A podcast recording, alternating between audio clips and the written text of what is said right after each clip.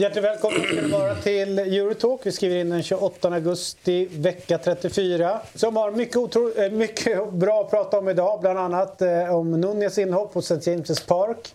Och det där röda kortet. Eh, Man Uniteds vändning mot Nottingham Forest. Lukakus återförening med José Mourinho. Kritikstormen mot spanska fotbollsförbundets ordförande Rubiales efter den där kyssen. Och dessutom så ska vi kolla till hur det går för Chelseas B-lag i Serie A. Eh, men vi gör väl som så att eh, vi tar upp en spaning som ligger lite grann där och det är i England där Fulhams tränare Marco Silva har blivit avstängd efter att ha fått sitt tredje gula kort för säsongen. Tre omgångar in i säsongen, därmed missar han nästa match i ligacupen mot Spurs.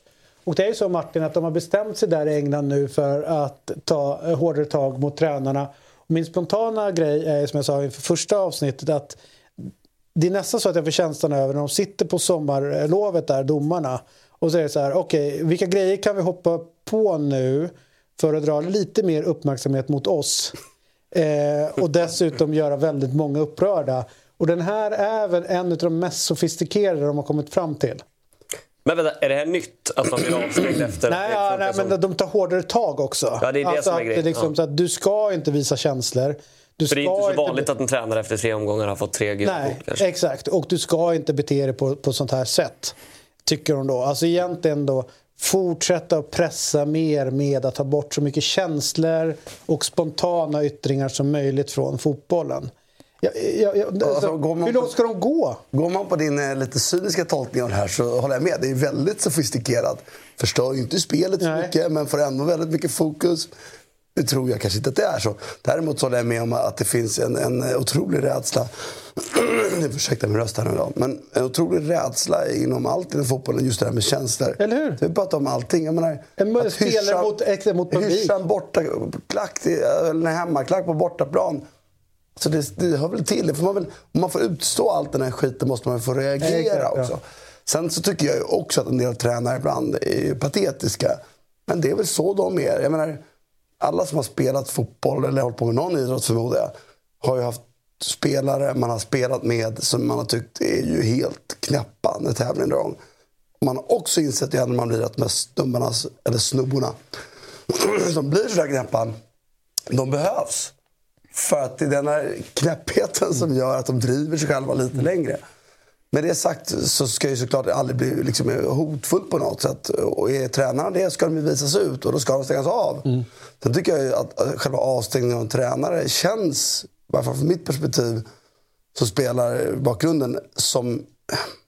Alltså, uh, Tottenham med ligacupen, man bara all right. Ganska skönt att slippa åka dit. ja, det är väl bra liksom att sitta och se ovanifrån en match. Även, det är väl ingen det är tandlös bestraffning kan jag tycka på ett sätt. Men, men jag är mer reagerad på att de ska hårdare med gula kort och så här långt i Premier League och inkonsekvensen så här långt har varit fundamental och otroligt irriterande. Eh, men sen vill jag lägga, försöka lägga mindre tid på domarna och mer tid på annat mm. egentligen. Men det är svårt att se förbi det. Ja, för de har ju kommit fram då till den här eh, som de kallar eh, participant charter. Eh, och eh, då eh, FA och Premier League tyckte att under förra året då, så blev det lite mer liksom, kritik och, och oacceptabelt beteende gentemot domarna från spelare och, och tränare. Så de har ju då inför, infört de här stad, äh, nya charten. Och då är det då, syftet är att skydda spelarnas rykte och sätta ett exempel för alla som spelar fotboll på alla nivåer.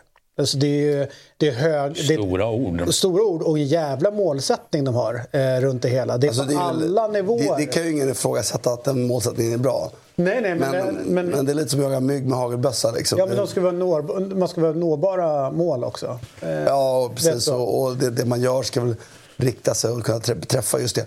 Nej, men, sen jag, och sen ingjuta en kultur av ansvar och tolerans som spelare, ledare och tränare förbinder sig till. Alltså, jag tycker i ett längre perspektiv, alltså det, det är ju så många såna här grejer nu över, över tid i, i, i hyfsat modern tid. Eh, och jag tänker varje gång liksom att ja, men de gräver sin egen grav. De, de, de har liksom typ bytt ut supportrar från, från en typ av supportrar till ett annat och sen så håller man på. Den här känslogrejen då är, är ju liksom den sista. Eh, jag bara undrar när de ska bli straffade för, liksom, för det känns ju inte som att de har blivit det än. Och då menar jag liksom Premier League någonstans. att att, att, eh, att folk blir, blir förbannade och ledsna och tycker att det, det, här är inte alls lika kul längre. Eller så är det det de tycker men fortsätter och, att gå och titta. Gör, det känns också så här att den högra handen vet inte vad den vänstra handen gör. Samtidigt som de å ena sidan eh, tycker vi ska straffa, låt säga att Martin Åslund är tränare. Mm. Och så blir Martin förbannad och kastar sin eh, iPad i backen för att, eh, liksom, och, och gestikulerar. Ja, gult kort på det. Men samtidigt säger vänsterhanden här att Martin Åslund som spelare, om han hade varit det, får en jävla kapning eh, som är ganska ful. Då har de och, och, eh, den sidan sagt att vi ska släppa på spelet så mycket som vi kan. Så de släpper det liksom lite mer hårda som man tänker att man kanske borde skydda för. Men går hårdare så Jag får liksom inte ihop hur, Nej, de, hur de tänker och vad de vill. De har ju någon slags en grandios självbild. Jag menar, om man, om man eh, lyssnade på, jag kommer inte ihåg vad Premier League-basen eh, heter. Men han, Webb, alltså domarna. Han, han, inte domarna, utan han för, för själva serien. Så att säga. Han, han, fick ju frågan om han på något sätt var orolig för det här med liksom alla Saudi-pengar. Det var ju bara nej, nej, nej, nej. Vi, vi, vi, vi står starka. Vi ser absolut ingen... Vi, vi är inte rädda för fem euro. Det kanske han måste säga på ett sätt. Men och jag tror inte de behöver vara. Det finns andra ligor kanske som är mer... Ja, eh, exakt.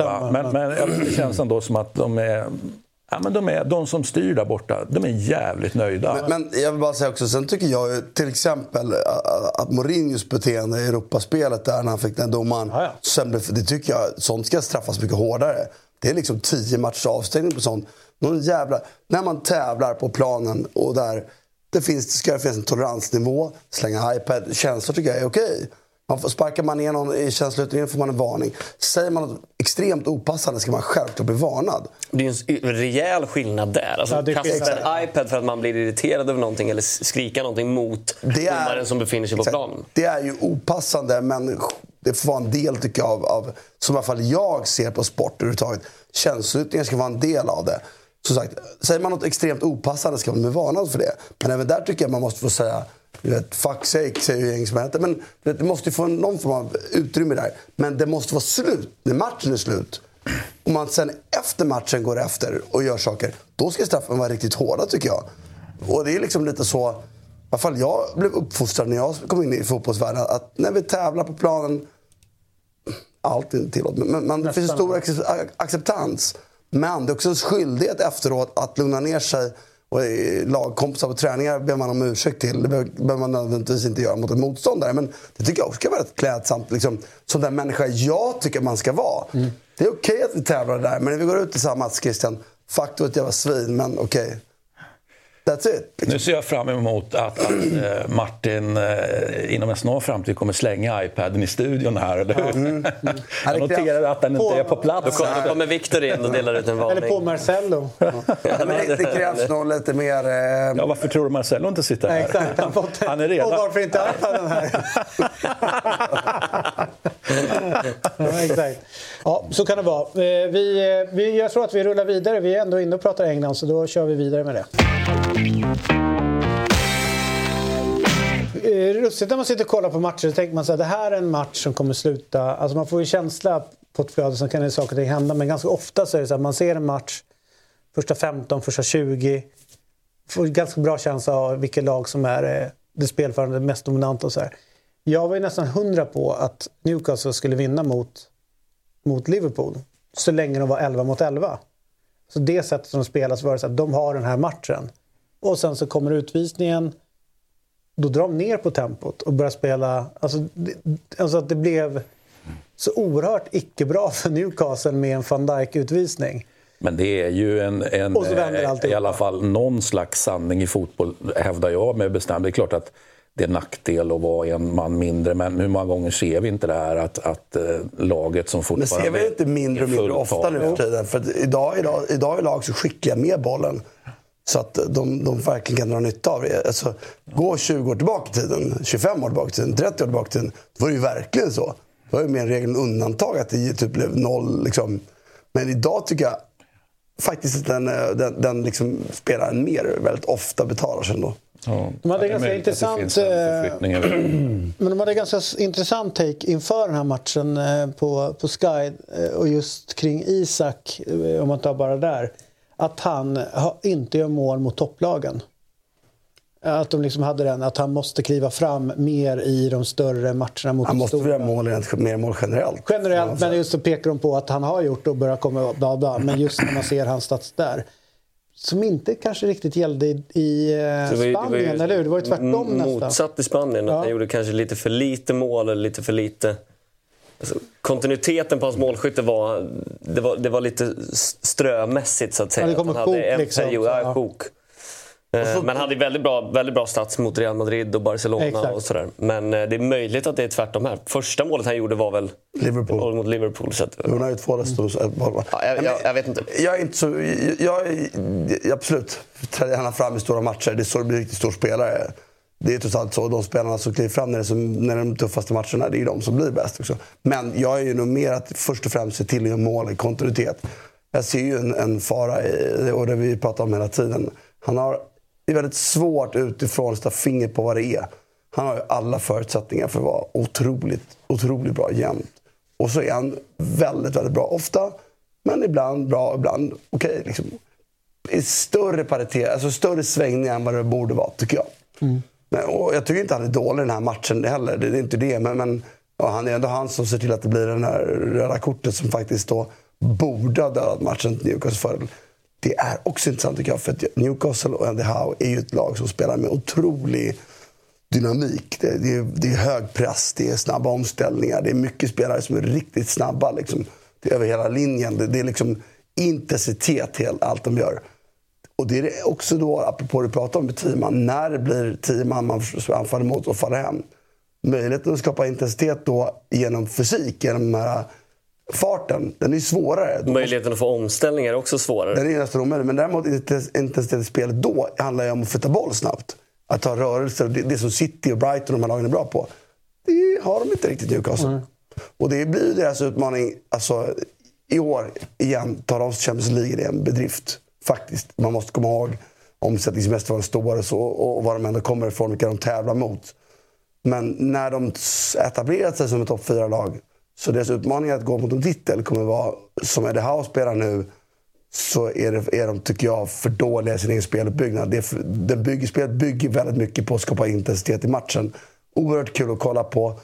Oerhört roliga när, när, när den får fart och flyt i det. Men när de kommer möta större utsträckning möta lag som kommer ställa sig på en, back, eller en straffområde. Och då är det ju som sagt, att skapar intensitet idag är jag snabb bollförflyttning och mycket rörelse in i korta ytor. Och det är svårare, eller svårare ska jag inte säga, men, men det, det, är en annan utmaning i alla fall. Och jag höll med inför den här matchen. Det kändes som Newcastle verkligen kunde vinna den här matchen. Men med det här Liverpool vet man ju inte. Alltså, att det här Liverpool vinner titeln känns nästan omöjligt. Försvarsspelet är för dåligt, men höjden de har, laget Liverpool har, det känner jag, det kan de slå alla. Mm. Så på förhand kändes det som att det här skulle bli omgångens match. Och fram till utvisningen var det ju det. Det var en otroligt rolig match.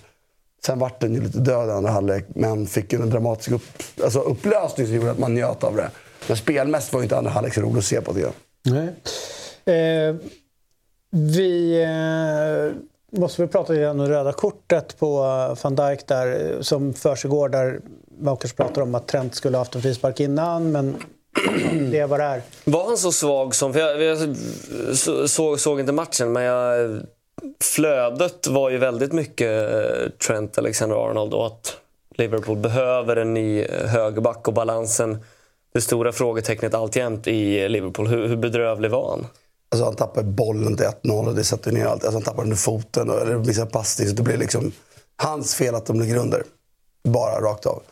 Men eh, sen är det ju inget nytt. Han är det. Men jag tycker ju, eh, problemet är ju inte han bara då. Utan problemet är ju att den här van Dijk är ingen bra försvarsspelare just nu. För förut var han ett monster som kunde kompensera för hans positionella brister.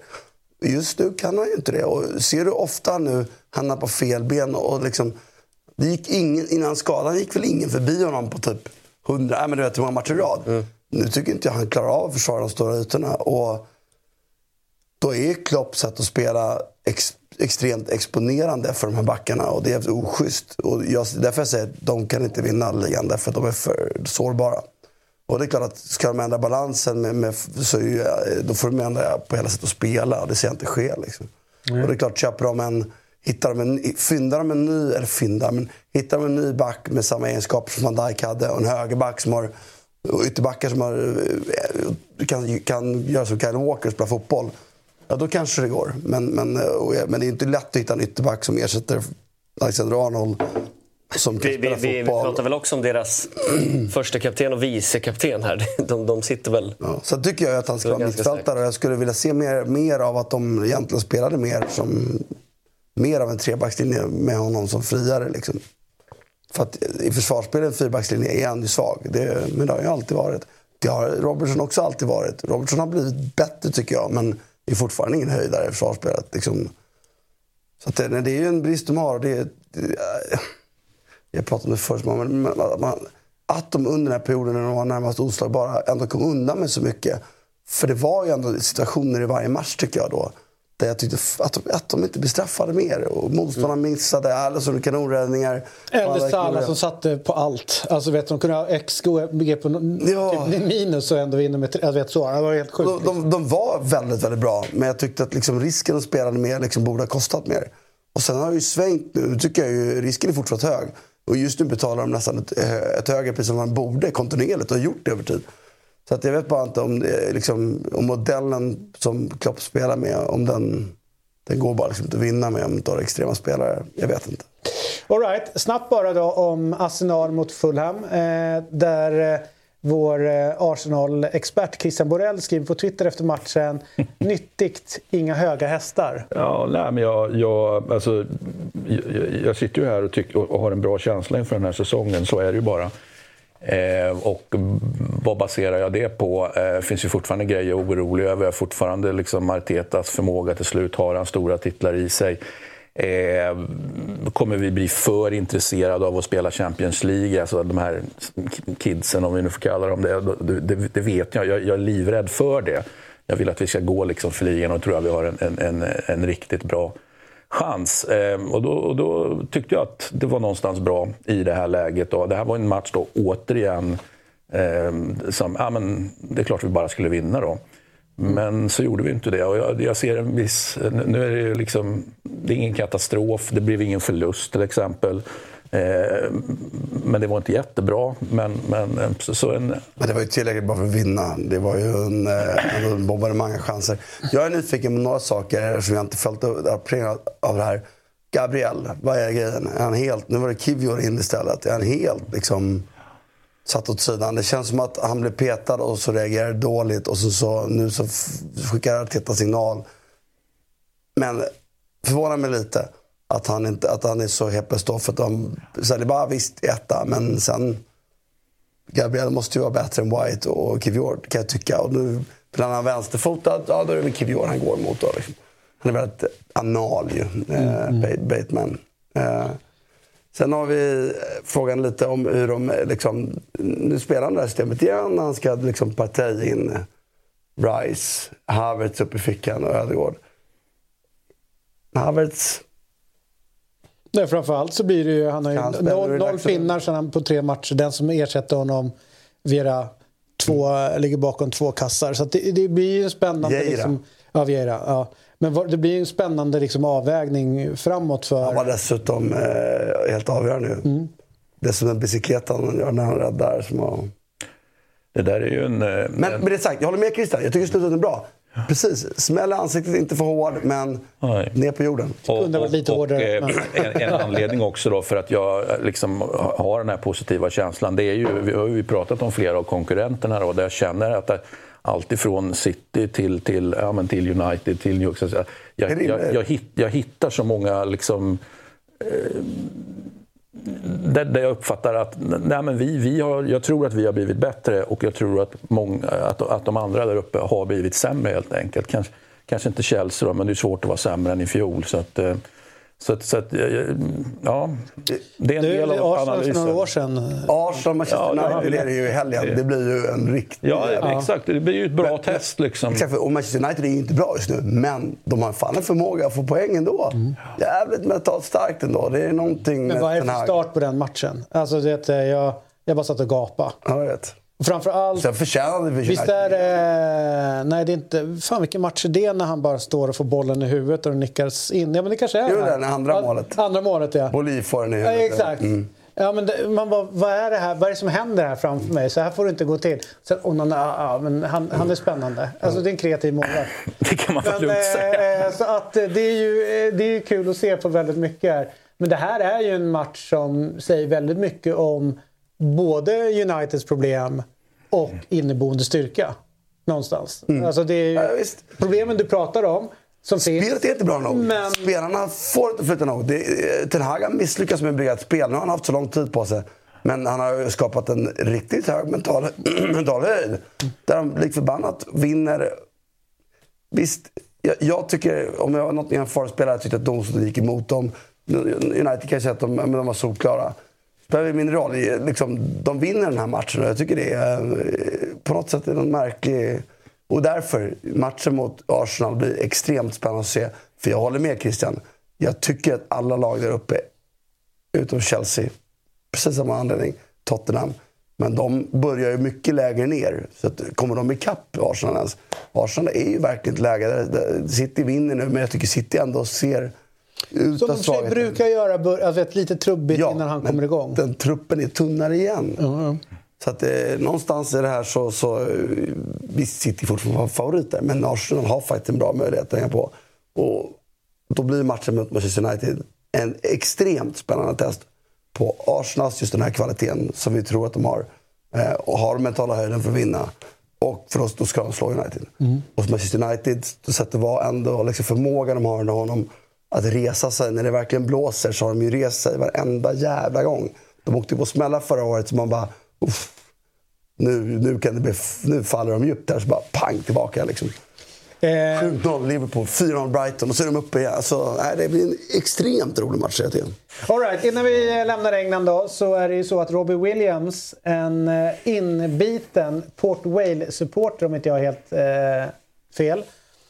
Han är ju så imponerad utav Antje Postecoglou, eller Shoglu. Ja, jag, jag lägger mig inte i det jag säga. Postecoglou. Eh, av det han gör i Spurs. Så han har i alla fall skrivit om, han hade ju en, en superhit som heter Angel.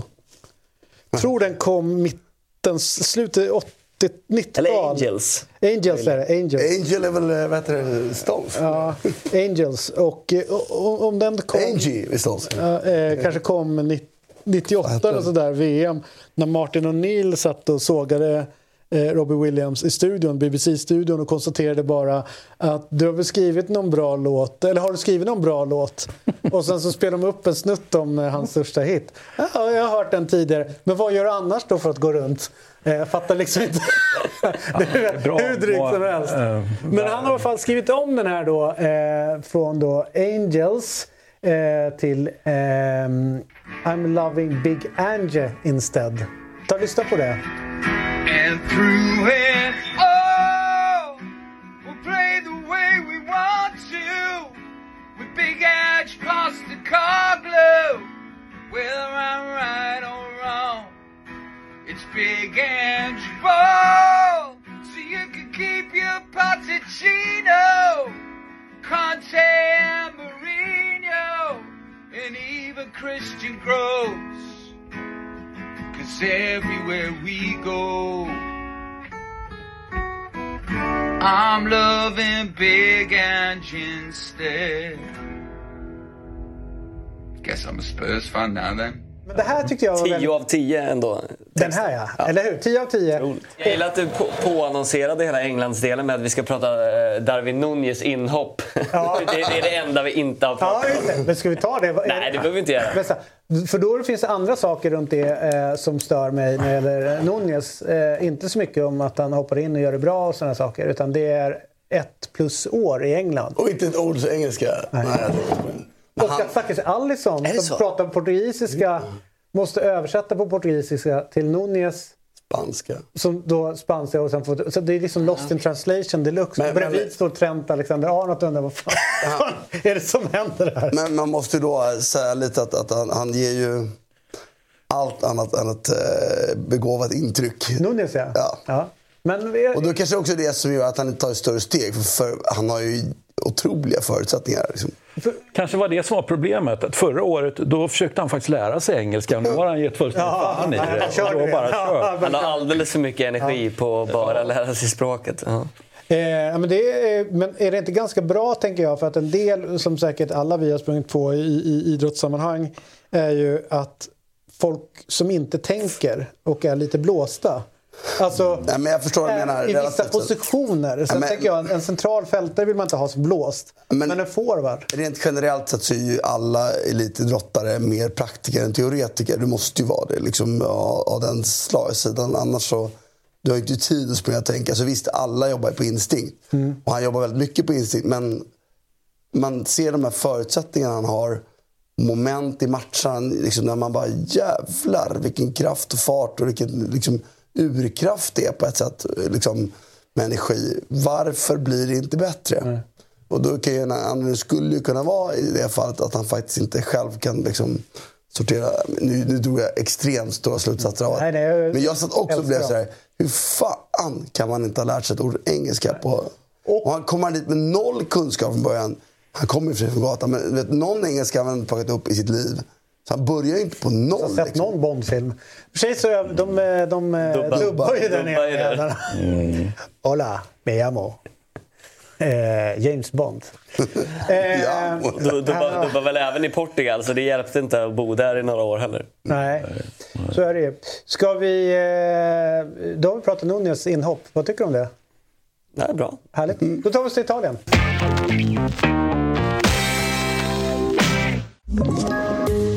Poddtips från Podplay. I podden Något Kaiko garanterar östgötarna Brutti och jag, Davva, dig en stor dos skratt. Där följer jag pladask för köttätandet igen. Man är lite som en jävla vampyr. Man har fått lite blodsmak och då måste man ha mer.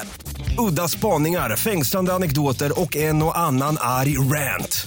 Jag måste ha mitt kaffe på morgonen för annars är jag ingen trevlig människa. Då är du ingen trevlig människa, punkt. Något Kaiko, hör du på Podplay. Därför är gardinerna. Lecce eh, måste vi ändå liksom börja någonstans i. Jag tycker det är lite, vi, vi sa det, in, var det innan vi började kanske, att eh, jag gillar ju deras, och de själva gillar ju väldigt mycket deras Sverige eller Nordensatsning som ändå blir. Eh, citat då till en agent från sportchef där nere. Det var att som det ser ut nu så är det billigt att köpa från, eh, direkt från Sverige men också relativt billigt att komma över svenska spelare som inte har färgat. För de är väl utbildade eh, och framförallt är de lojala. Alltså att du får in en bra mentalitet på spelarna som kommer in.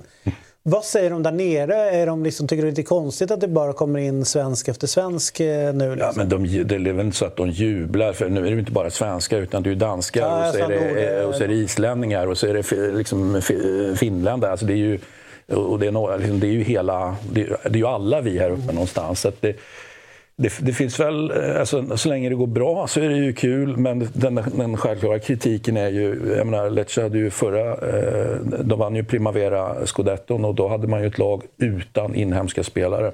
Eh, och det var ju många som var eh, kritiska mot det. Liksom. Man måste ändå ha, eller ja, man, man måste ändå ha några så att säga, italienska spelare. Och det ska vi komma ihåg eh, att saker och ting kanske har förändrats. Här. När Corvino var i Lecce första gången, då var ju hans dröm innan han flyttade till Fiorentina, det var ju att då eh, få, eh, alltså bara trycka upp många spelare i A-laget men också eh, han sa, att han, att han, han sa inte att han skulle nå den drömmen, han sa att men min dröm är att ha elva lokala, inte italienare, utan att ha elva spelare från Salento eh, i A-laget. lycka till. Men, ja, men exakt, lycka till. Men den ambitionen ja, men den har han ju inte längre, för saker och ting har väl på något sätt eh, förändrats. Då. Och, eh, han har ju då delvis, som vi pratade om förra programmet när du inte var här, så har han ju han var ju väldigt mycket Balkan från början och sen så har det blivit väldigt, väldigt mycket så säga, Nordeuropa nu. Va? Även om han då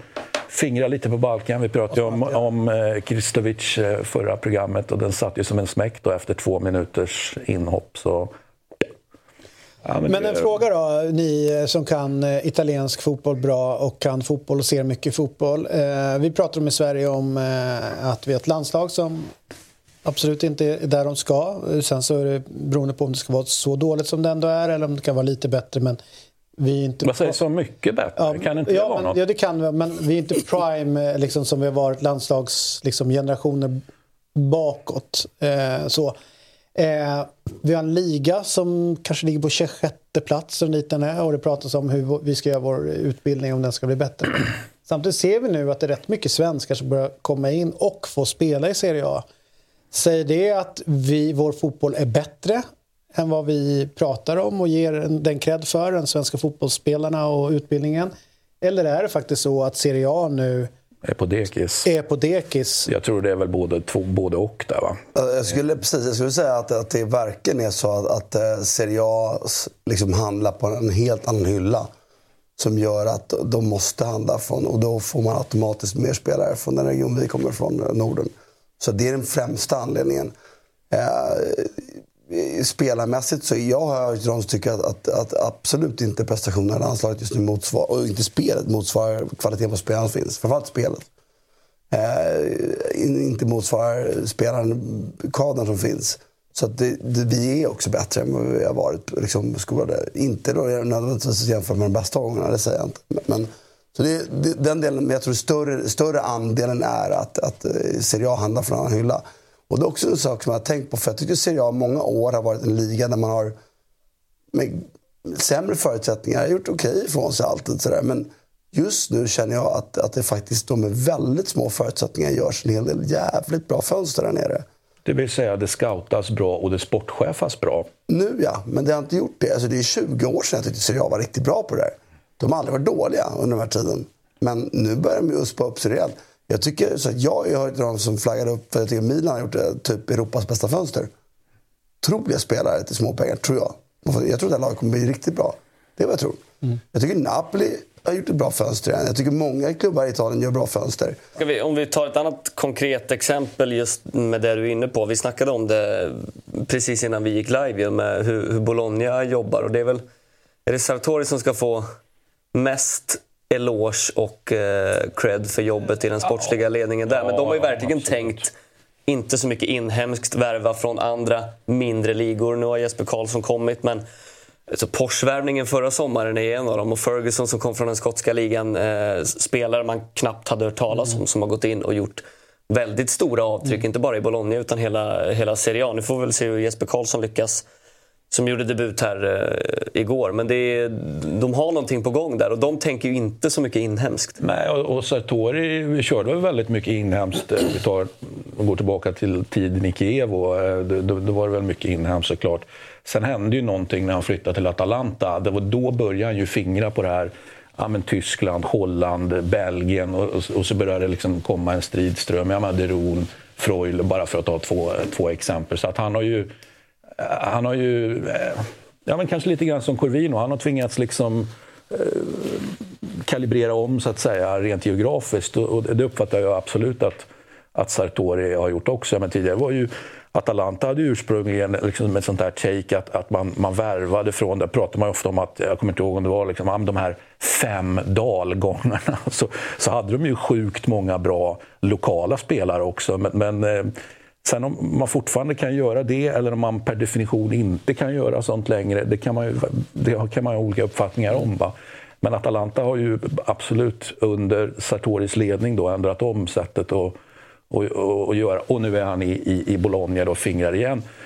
Hans, förra sommaren, hans Mercato, var ju fullkomligt briljant insåg man efteråt, eller under säsongen. Men när det, när det skedde, då tänkte jag, ja, men, ja Sartori var ju en garant för att det här skulle liksom vara bra, men att det skulle vara så bra som det faktiskt var. Eh, och, och, då kan man alltid diskutera, ah, han har gjort en sån jättefin eh, Mercato liksom 22, gör han en lika fin sommar Mercato 23? Jag tror ju att det kommer att visa sig att han faktiskt gör det då. Även om han ju fortfarande har ett problem då, för han har ju blivit av med Arnautovic. Eh, Thiago Motta är inte speciellt nöjd med det såklart. Eh, och så har vi då möjligtvis då den enda lite halvt misslyckade spelaren då, Sirikse, eh, som kom förra sommaren, som ju kom från Bayern. Så jag menar, det är liksom inte... Eh, ja, de kommer ju från tunga... Alltså, Och han är ung. från Bayern. Jag menar, och det finns något, något bra. Alltså jag säger inte att Ja. Sirikse Ho- Hoppet är inte är... över kring, kring Sirkse. Nej, nej det, det är det ju inte. Men han kostar väldigt mycket pengar, gjorde han då. Eh, så att, så att, återigen, Sartori och det han gör. Och jag tycker Karlsson-värvningen är absolut eh, inspirerande. Och, och en doj... Eh, Vad tänker ni i Fine. tröja nummer 10? Coolt. ja, efter att vi pratade förra om att eh, Kajuste inte hade några problem att ta 24 så kommer en svensk till med gott självförtroende och tar 10 alltså det, det är bra. Jag gillar att Det finns de- ju ändå lite mer sam samklang i personligheten och den spelartypen som Jesper Karlsson. Att han tar 10 än att Kajuste går in och tar Insignies nummer. Ja, men de ber Han pekade ju på 24 och sen så berättade någon, du, du vet att det var Lorenzo Insignies nummer. Ja. Vem? Nej, men skitsamma, jag kör. Ja, ja. Vi som satt här och var helt övertygade om att han visste det. Men det Jag är inte säker på det. Jag är inte säker Hur som helst, det, det, det tyder ändå på ett självförtroende som är helt underbart. Ja, och ja, precis, apropå det vi pratade om då, eh, precis innan pratade vi om landslaget och vad vi kan kräva och så vidare. Ja, men, Ja, en sak som gör att vi kommer att kunna kräva det, det är ju att eh, de här spelarna har bra självförtroende. Vi vill ju ha spelare med bra självförtroende. Eh, och de får jättegärna spela då. Men sen finns det undantaget eh, Robin Olsen som inte behöver spela en bra i alla fall. Eh, men, men det är väl skitbra om de har bra... Tanken är hur bra hade han varit om han hade fått spela? Ja, det, är, det, är ju, det kan man ju leka med. All right. eh, jag lovade att vi skulle prata om Chelseas B-lag i Serie A. Låt oss prata Milan. Eh, där Pulisic gör mål på assist av eh, Ruben, Ruben Loftus-Cheek. Eh, Giroud gör två straffmål. eh, såklart. Eh, så att det här är ju en... Eh, Tomori. Tomori finns där. Jag tänkte bara lyfta fram liksom, de som ändå det, gjort det. det är halva, halva Men starten. eh, Pulisic, spännande. Och jag tror ju att om han kan vara skadefri så är det en liga tror jag som kan passa honom ganska bra. I. Absolut. Verkligen. Alltså, Pulisic är ju en bra spelare.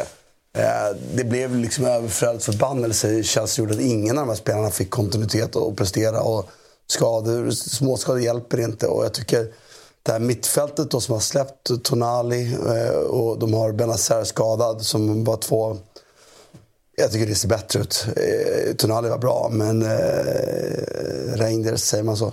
Reinders. ja. jag tycker han är fantastisk. Och, och Loftus-Cheek är jag svag för. Ja, ja. Eh, med den kraften. Och, så det, det är, och så har man då Musa slänga in och du har vad tror Chukwueze. Så det, det finns en kraft och en power. Jag tycker det är en viktning mot ett nytt sätt att se på fotboll lite. Och jag tror att det passar Piolis fotboll ganska bra. Eh, sen är det ju allt det där, jag menar, den är inte så... De har inte, kan inte få vissa spelare skadade. Det är inte den bredd som Premier League-klubbar har. Men den här elvan tycker jag är spännande. Och det kommer inte vara ett lag som toppar bollinnehavslistan, det tror jag inte. Men det kommer vara ett lag som har otrolig dynamik. Alltså, och, och i, i Serie A Det blir tunga att möta. Ja, och Serie A har vi sett för lite av sånt tidigare. Och jag tycker vi ser en skiftning nu åt det där. Att- Och spelare som har kommit med sådana egenskaper har, sett- har lyckats väldigt bra de senaste åren. Så att, eh, ja, nej, jag, är- Ja, ja, jag vet att vi det är väldigt tidigt ute. Men, men jag tycker bara för Absolut. de pengarna som Milan gjorde. Så bara, om, man- om man bara skulle ge ett betyg då innan man har sett facit. Så skulle jag sagt att ja, Milan har gjort det bästa transfönstret av alla eh, Champions League-klubbarna. Vad tänker ni då kring, på samma eh, liksom, spår då, det Mourinho gör nu med att också kanske få in lite mer fysik. Lukaku pratas om att komma ner och, och skriva på. Nu han har väl- inte fått dynamik. Alltså, han har ju valt spelare med fysik väldigt mycket. Mm. Och, men sen tycker jag personligen att Roma har haft lite oflyt med. De borde ha tagit mer poäng de här två matcherna såklart. Och det är, det är Milan nästa match. Alltså, Det kan vara ett Roma som står på Men en, han, han, en kan, två poäng efter tre omgångar. han kan möta dynamiska lag. Det, det, det är lite så här, lite det vi pratar om att Italien har inte inhemsk dynamik, är inte det som har premierats mest. Det är klart att det finns dynamiska spelare. Men Milan spelar just nu med dynamik som jag tycker är ganska ovanlig ändå i Serie A. Men det är inte ovanligt för Mourinho att möta. Det är ett jättebra test för Milan att få, för jag tror att Roma kommer ha en jättebra match mot Milan. Hur tror du det kommer gå för Lukaku under... Eh, Jag tror han passar bättre med, med, eh, med Mourinho än vad sk- än vad han gör med, med Inzaghi. Spännande. Men jag, va- alltså Lukaku är ju den, alltså det är ju lite synd om honom, men så mycket skit som han har fått i italiensk media den här sommaren. Alltså de här faktiskt... Hyfsat självförvållat ändå. Eller? Men, jo, det är det ju. Han är inte oskyldig till det. Men nidbilden av honom som pengagirig, eh, eh, o- oem- oempatisk fel ord, men utan eh, skrupler. Alltså, det känner jag ändå lite off. Någonstans ska man komma ihåg att det är en, en fotbollsspelare, ett yrke och att han har hamnat i kläm. Det är ju väldigt lite som tar hänsyn till att han faktiskt har hamnat i kläm i klubbar. Det är ju inte så att han har liksom, nödvändigtvis har trivts. Alltså, Alltså ta bara det här, han är ju tillbaka, han har varit tillbaka på Cobham nu eh, på slutet. Alltså om det har varit en dryg människa så hade han ju ställt till och bråkat och sådär. Eh, rapporterna inifrån eh, Chelseas träningscenter är ju en som jobbar hårt, trevlig mot alla, professionell. Alltså vet, så här, det är ju ingenting utav det här dryga som folk försöker smeta på honom. Då kan man ju tro att en, den, en, en spelare av den här digniteten som tvingas tillbaka och nästan tvingas bort i samma veva skulle liksom så här, men då skiter jag i att träna, jag strejkar, bråkar och det för att Det är väl framförallt satt till relationen med, med Inter och Jo, deras jo, jag, jag kan tänka som, som men det säger ganska mycket om honom. Men Jo, säger det- ganska mycket, men problemet där är ju att han har ju aldrig varit herre över sitt eget öde egentligen. För att när han var i Inter så var det ju inte upp till honom om han skulle få fortsätta där. Utan det var ju upp till någon annan att lösa det väldigt mycket i och med att han hade kontrakt med Chelsea och inte var inte beredd att betala så mycket som... Så då gjorde Inter ett val. Och det här har ju pågått under ganska lång tid. Samtalen mellan... Eh, egentligen hade de velat lösa det här under förra säsongen så att det var klart. Men ingenting liksom löstes. Så att jag fattar väl att han måste försöka se om sitt eget hus i, i det där läget. Inter är han utlånad till, Chelsea vill inte ha honom, han måste bort och då måste man kolla runt. Men det var nog ganska bra att det inte blev Juventus. Alltså om man säger i relation till... eh, Det gick ju inte. Det är så så att supportrarna stoppade. Men, men, Jo, ja, men alltså om man men- tänker på vad som var på gång och låg Och det, är också, och det är också, tycker jag, fullkomligt vansinne om det nu ens var... Alltså det var och det var väl så att Juventus de var beredda att släppa Vlahovic. En så mycket bättre fotbollsspelare, tycker jag, än De Lukaku. ha- För Lukaku, som är mycket plus att äldre de ville också. ha eh, rätt mycket det, det, pengar. det, det, det, det, är totalt vansinne. Så Juventus går ju vinnande ur det. Men Fast Allegri har ju sagt att, eh, han sa ju att om han skulle få Lukaku så kan han typ garantera att de vinner.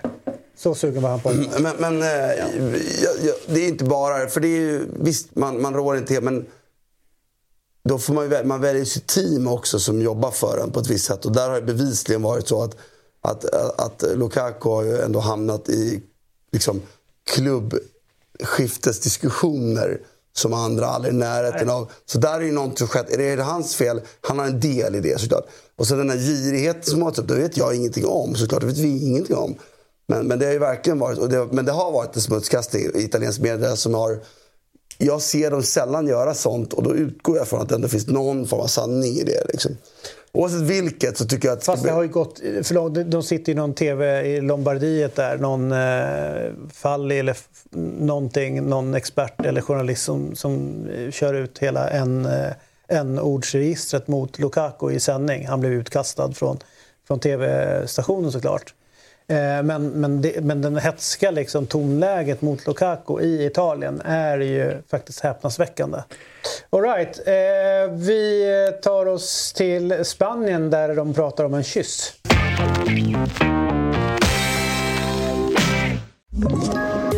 Poddtips från Podplay. I podden Något Kaiko garanterar östgötarna Brutti och jag, Davva, dig en stor dos skratt. Där följer jag pladask för köttätandet igen. Man är lite som en jävla vampyr. Man har fått lite blodsmak och då måste man ha mer. Udda spaningar, fängslande anekdoter och en och annan arg rant. Jag måste ha mitt kaffe på morgonen för annars är jag ingen trevlig människa. Då är du ingen trevlig människa, punkt. Något Kaiko, hör du på Podplay. Därför är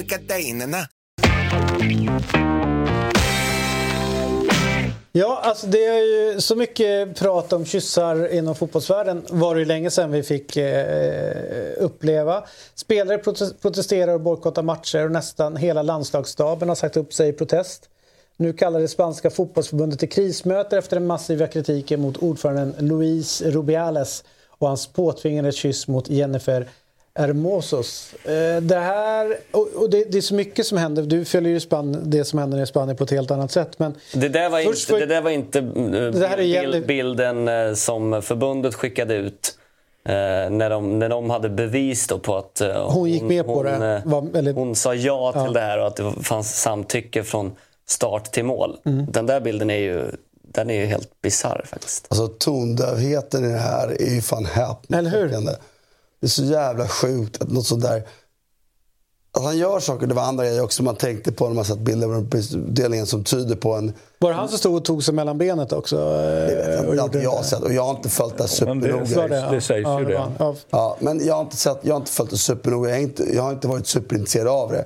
Men jag tycker att han, han visar ju på det jag har sett ändå. Liksom en, han, har lite, han, han behöver fundera lite på sin syn på, på hur han kan uppfattas. Så, så när Men, men, men det, det är väl det som är... Ja, men som man kan uppfattas. Men hur fan kan man bara inte gå ut och... Det där är klumpigt gjort. Vad fan, det är bara gå ut och be om ursäkt och, så, och, och vädja till hennes ursäkt till, till, till hon Hermosa. Hermoso. Hermoso? Ja, det jag tycker. Ja. Så, så hade det väl det här ändå liksom funnits rimliga ramar för att hantera det här. För det är ju också blivit så sjukt stort på ett sätt man bara... Herregud. Det är många som ställer sig bakom det. Jag tyckte Hector Beirin, som ofta är väldigt klok och, och har kanske lite andra... Han tar ett steg längre emellanåt. Eh, Han, han, han hade ju mer eller mindre googlat fram eh, den rena definitionen av eh, narcissist och kopierat in det i texten han la ut. Och han tyckte väl att det passade rätt bra in på Rubiales. Så det är väl, det är väl lite det du nämner, att, apropå tondövheten, och att han inte Men det gäller sig för, själv det gäller förbundet utifrån och här. det gäller också förbundet. Såklart. Så fort, alltså, så Han fort det här blev en grej så borde ju folk eh, liksom förstå runt omkring honom att vet du vad, det här måste vi pudla i eller göra någonting. Hoppa rädda det som räddas kan.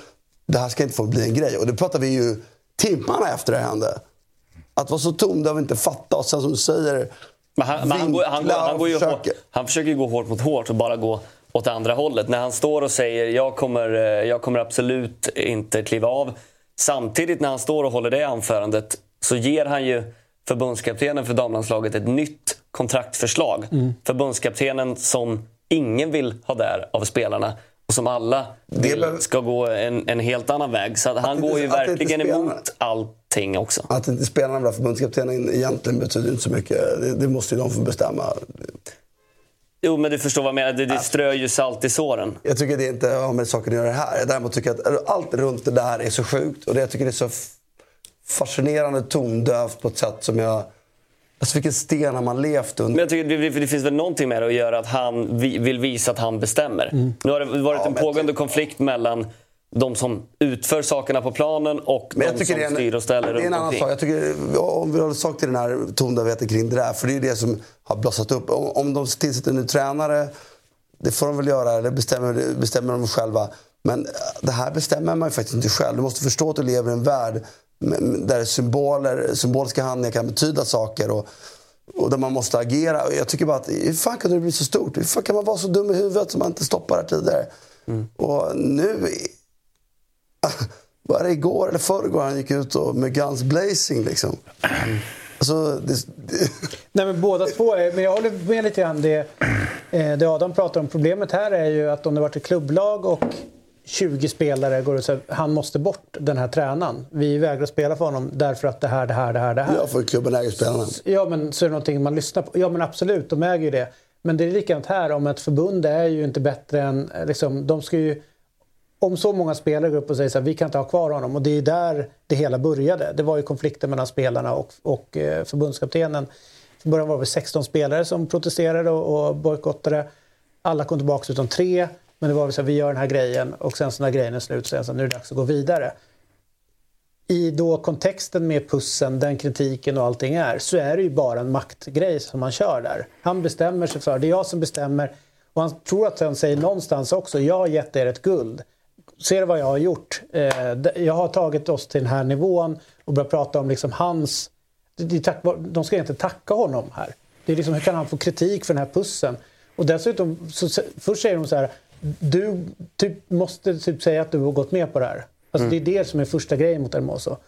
Och sen så när hon då säger det så säger hon så här, bra när hon gjort som hon blir tillsagd. Sen går hon tillbaka och säger så här, fast det var inte riktigt så. Alltså det, det det typ alla, alla led så är de ju, så har de klantat sig. Likadant förbundskaptenen, hur han betedde sig efteråt. Eh, och var liksom då, ganska oskön, om man säger så, i, i segerns Typ. stund. Ja, men ungefär som, titta på mig, liksom det här, det här, nu har jag gjort det här och liksom, my way vann. Och det är klart att de har vunnit VM-guld för första gången och han ska ju, han har gjort någonting rätt i det hela. Eh, så att, det är Men inte jag- helt svart och vitt, men jag tycker någonstans... Jag tycker det är två separata saker. Ja, men om vi tar svenska landslaget då. Om, om, men för, för bara, Ja. Tävlingen och, och hur de har betett sig och är, bestämmer vem som är tränare och tar ut laget. Så det, det är sportsliga frågor. Det, det, det, det, kan jag inte ha några synpunkter på överhuvudtaget egentligen. För det får ju de bestämma. Det andra bestämmer inte de. Det är ju här lite med poängen. Vi pratar ju om, som du skrev, behandlingarna efteråt där. Man bara, nu du måste du gå ut och... Alltså, Men det, det handlar, det, det handlar det är väl om så hans... äckligt för mig.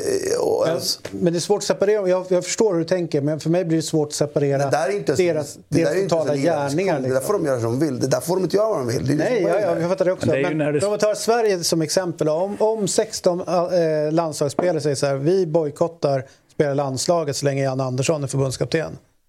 Då tror jag att, med, att svenska förbundskaptenen har flyttat på honom. Ja, exakt. Och då pratar vi om att, förlåt, jag tycker inte de här sakerna är värda att diskutera i samma mening. Det är eh, en möjlig väg mot det, men det finns, där finns det ju vägar att välja. Det andra finns ingen väg, det är det jag försöker säga. När vi pratar om en sportsliga beslut eller, och, och det är ledarskapstider, absolut. Men det här är ju inte ledarskapstid, det här är ju det här är ju något sjukt. Narcissist är ju liksom... Det, Jo, men jag, jag, jag, jag sa ju till dig att jag De håller med två, dig att det är två olika diskussioner. Ja. Men i det här fallet så, så åker de ihop därför vi har med en narcissistisk eh, ordförande för förbundet att göra och vad det verkar en galen förbundskapten att göra eh, i det hela. Så att det bästa vore ju för fotbollen stort eh, är ju att man bara flyttar bort dem. Nu är ju Rubiales avstängd i 90 dagar och de säger att de ska göra någon form av utredning runt det hela. Eh, och jag misstänker väl att den kommer landa i att han får lämna och, och att de kommer byta förbundskapten till slut runt det hela.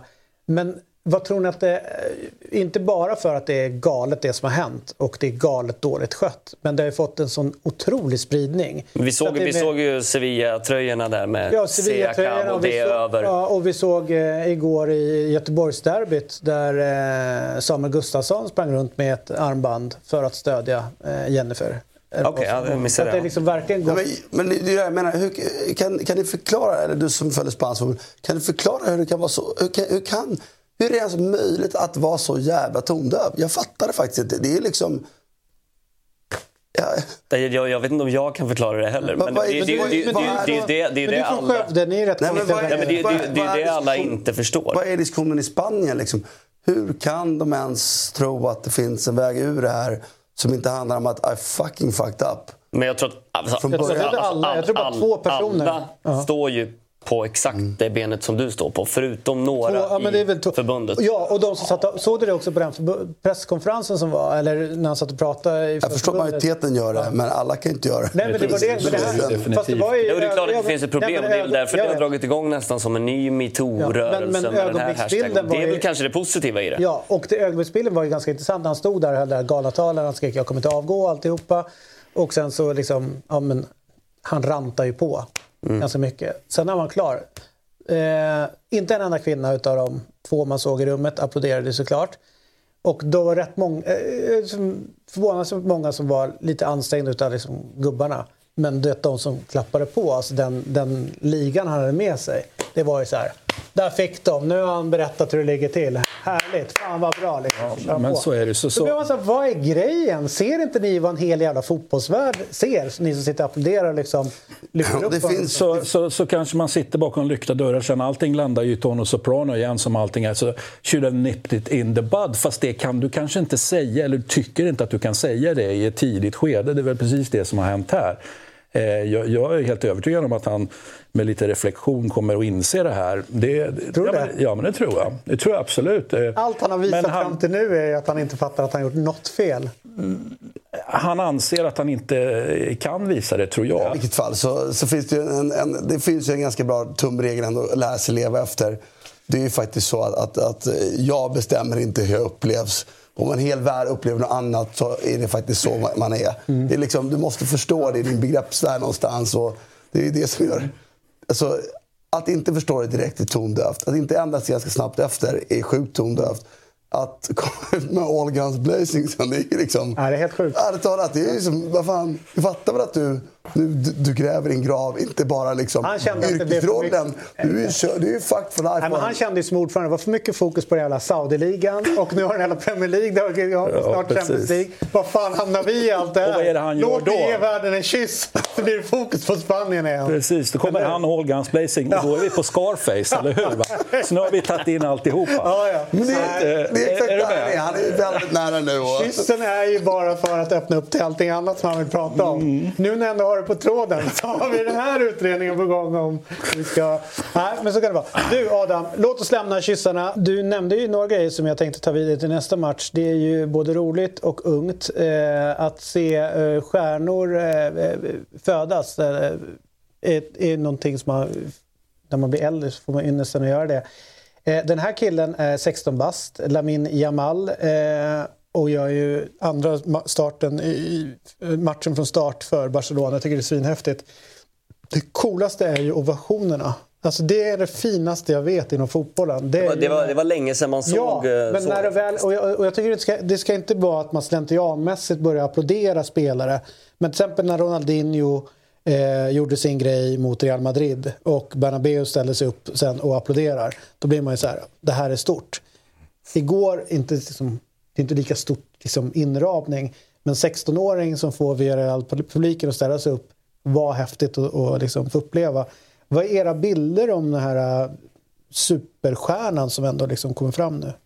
Jag tycker det är intressant att du, att du nämner att du tar just superstjärna. För det är, alltså han, jag tror att han har tre miljoner följare på sociala medier redan innan han liksom, de här senaste veckorna blev den här superstjärnan på planen. Så att i den kretsen och bland kidsen så är han ju redan ganska stor. Det var lite som när Xavi Simons kom fram där och redan innan han blev en senior spelare så var han lite av en eh, superstjärna. Eh, Slog jag- igenom i Lennart Johanssons eh, turnering här i... Ja, det var så. Ja. Och Gothia Cup var han, eh, var han väl med och gick, eh, gick bra. Och Gothia Cup sen också. Ja, exakt. Och han spelade då i Barcelona, eh, var ju precis som Xavi. Alltså den riktiga Xavi. Ja, men precis. Eh, nej, men det, det, det här är en spelare, jag, jag har långt ifrån full koll på, på alla liksom, ungdomsprospects och sådär. Men det här, är, det här är ändå ett namn som man har hört talas om i ganska många år. Att det här ska vara den stora nya stjärnan. Och det är klart att det har man hört förr med Gerard Deulofeu, Thiago. Thiago blev väl bra och Gerard Deulofeu har väl också fått en fin karriär och sådär. Men om vi jämför med Ansu Fati som kom upp lite från ingenstans. Han hade ju väldigt liksom stökig ungdomskarriär med mycket skador och det var väl från ingenstans han kom upp. Så är det här en spelare som, som har lirat med två, tre år äldre Mm. eh, i ganska många år. Så det har väl varit en tillfällig, eller en fråga om inte när han ska eh, ta Det som är steget roligt- upp till ett A-lag. Men att han, redan, att han redan startar och går före en Ansu Fati, en Ferran Torres. Eh, Och dessutom spela med ett sånt mod. Han är väl kanske bäst på plan i den här, eh, i Du utsätter matchens Det är-. Det, som- Det är häftigt. Men, alltså, jag, ska bara jämföra, jag, jag har ju ändå sett väldigt, väldigt mycket ungdomsspelare genom åren och följt Barca så många år. som jag- Det här är man van vid att se. Så vill jag ändå säga att det här är någonting extra. Gavi är inte det. Gavi är som alla tog fram som ungdomsspelare. Gavi, vi pratade om det, han var färdigvuxen, tidigt utvecklad, levde på fysik. Det här är ju en spelare som inte är färdigvuxen. Han är tidigt utvecklad såklart. Så att han har alltid varit möjlig att spela. ser man är lite tanig. Liksom. Eh, Exakt. Det- Där finns det något mer att hämta. Och framförallt är han inte bra på sånt som har med kraft att göra. Utan han är bra på sånt som handlar med spelförståelse och rörelse att göra. Och har en jättefin fot ju. Så det här är någonting extra. Men att det är därifrån till var liksom Messi eller eh, Ronaldinho. Alltså, det är en bit kvar. Men han har höjden. Det har inte Gavi. Vilket eh, man såg direkt. Det hade inte Pedro. Pedro är ändå mycket bättre tycker jag än Gavi liksom, eh, i höjd. Tänkte jag när de kom fram. Men här har han, han har någonting extra. Så det här är en av de här få spelarna. Bara Kirikiri såg direkt att det inte skulle bli liksom, en världsspelare på den nivån. Han kan bli det. Det här är en av de som kan det. Ansu Fati, ska jag inte säga att man sa att han inte kunde bli det. För han hade också någonting extra. Men den här killen är bättre. Hade inte Ansu Fati lite mer fysik när han kom fram? Också? Ja, lite Alltså, mer. Men, men Ansu Fati har ju, sen har Ansu Fati haft två svåra knäskador. Vi vet Men, ju men faktiskt. det, du, det du nämner med sp- speluppfattningen och spelförståelsen. Ansu Fati var ju lite mer rakt på, distinkt och kändes lite färdig. Den här killen har ju Ja. även... Eh, Det var det jag säger. Det är det jag sa klassisk ytterspel, spelfördelare och liksom lite annat Nej, det i ser jag ett. inte. Det. Men han, han har en, det var det jag sa, att, att han har en spelförståelse som, och, en touch och ett sätt att röra sig, en timing som märker ut honom mer än någonting annat. Och det är exceptionellt. Har man det och inte vuxit färdigt så kan man få någonting mer. Ansu Fati hade absolut inte samma höjd. Det var därför, komma till att han hade ändå, han hade ändå höjd. Och man ska komma ihåg att Ansu Fati har haft två svåra knäskador som har förstört hans utveckling. Nu ska han flytta på sig. Jag tycker han igår i inhoppet också, du vet läget han inte passar. Jag skulle sälja honom år i Barca. Sälj det man kan få. Han kommer inte bli den stora spelaren i Barca i alla fall. Han kan bli det och han kan verkligen bli en av de riktigt stora spelarna rent generellt sett. Och jag tycker Barca är otroligt offensiv nu. Att folk pratar om att de måste förvärva något offensivt. Liksom. Xavi sa det efter matchen att uh, vi, vi måste ha en forward. vilket, jag, vilket jag också reagerade på. Alltså, ja, även om säljs så jag menar, Rafinha har ju varit avstängd nu så han ska ju tillbaka och Vitor Roque kommer ju in i januari. Så att de har ju, de har ju en anfallsuppsättning åtminstone från januari där typ för en månad sen kanske inte folk räknade in Lamin Jamal eh, som en ordinarie A-lagsspelare. Det bör, bör, bör man nog Nej, göra i ett sånt här läge. Rocke, Rafinha, eh, Ferran Torres, Ansu Fati är inte med och startar. Nej, att behöva en forward då. För du, du ska säga att den här matchen var ju... Jag tyckte det här var den roligaste matchen under hela helgen att se på. West Ham. Nej, här var roligt. okay. Men den här matchen var ju också... Det var lite som att se liksom, spanska ligan på 90-talet. Det var gamla, ja. Det var obalanserat. Kiksetiens fotboll är inte heller jättestängd. Liksom. Han vill ju spela. Fina spelvändningar de hade på Pedraza, liksom, uttalat de hade Roberto. Men då ser man den där backen i Barcelona. Så att det här laget har såklart ingen chans att vinna Champions League, som det är nu. De har ingen chans att göra det. Men de är väldigt underhållande att se på. Eh, problemet blir för dem, det är ju att, att, att liksom, så mycket pengar de har tagit in, så mycket tillgångar de, framtida tillgångar de har sålt. Alltså, ska det här laget bli... Alltså, då måste de fan med byta tränare. Mm. Alltså, jag, jag, du, du, du, du, var inne på det. det ja. Du var inne på det här om veckan, eller om det var två veckor sedan, eh, i den här studion. Just att det är någonting, jag kan inte heller riktigt sätta finger på, fingret på det, men det, det är någonting som skaver lite med Xavi tycker jag. Eller jag ser liksom inte progressionen eller utvecklingen som jag Nej. hade trott eller inbillat mig eh, men, skulle ske efter. Nu har han suttit där nästan två ja. år. Alltså jag, jag, jag, jag började titta liksom och jag, jag sa ju det, De Serbi hade varit drömmen. De Serbi hade gjort det här laget oslagbart, tror jag. De har åkt på någon Antonio-kontring. Ingen kan stoppa Antonio. Det, nej, nej, det får man leva med. Liksom. Men, men eh, jag, jag, tycker att det här är inte tillräckligt bra för att liksom vara... Ju, sen, sen en del av människor som ser den här matchen känner så här, skitsamma, det här vill jag se. Mm. Jag vill se den här typen av fotboll öppen. Och liksom, det var ju så jag började kolla Barcelona en gång. De var ju aldrig bäst då. De vann, Dream Team pratade man om. De vann en Europatitel. Men det var fan underhållande att se på. De åkte på smällar så sjöng om det i Champions League-final. Men de kunde också slå United, upphaussade United med 4-0. Liksom. Det var liksom såna här. Det vill jag se på. Men jag tänker ju också lite på det ekonomiska man har investerat nu. Så eh, eh, det vill ju till att man hittar några sådana Lamin eh, Jamal i ungdomstrupperna. Om de ska kunna vara konkurrenskraftiga. För, för Xavi tycker jag bevisligen, det kan man nästan säga nu, det är en bra tränare, men han är inte exceptionell. Du har lyssnat på en lite kortare variant utav Eurotalk i och med att du har poddlyssnat. Om du vill se hela programmet så finns vi på Dobb-TV. Eurotalk alltså där för 49 kronor per månad, årskort 599 kronor. Eller om du vill så finns vi på Youtube där du klickar in ett medlemskap och det kostar 89 kronor per månad. Där ser du oss live men också hela långa programmet. Men du har alltså som sagt var lyssnat på podcasten, en timme lång ungefär. Men om du vill ha hela så går du in och bällar för det. Tack för att du lyssnar.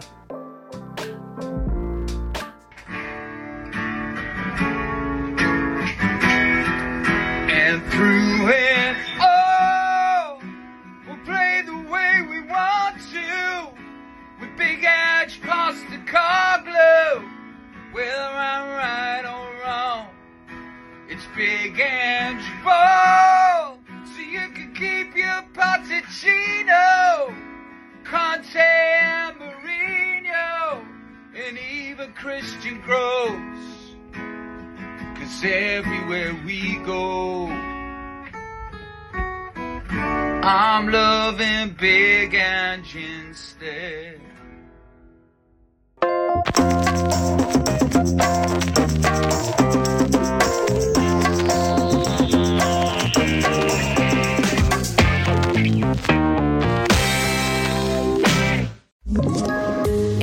Poddtips från Podplay. I podden Något Kaiko garanterar östgötarna Brutti och jag, Davva, dig en stor dos skratt. Där följer jag pladask för köttätandet igen. Man är lite som en jävla vampyr. Man har fått lite blodsmak och då måste man ha mer. Udda spaningar, fängslande anekdoter och en och annan arg rant. Jag måste ha mitt kaffe på morgonen för annars är jag ingen trevlig människa. Då är du ingen trevlig människa, punkt. Något Kaiko, hör du på Podplay. Därför arkadeinerna.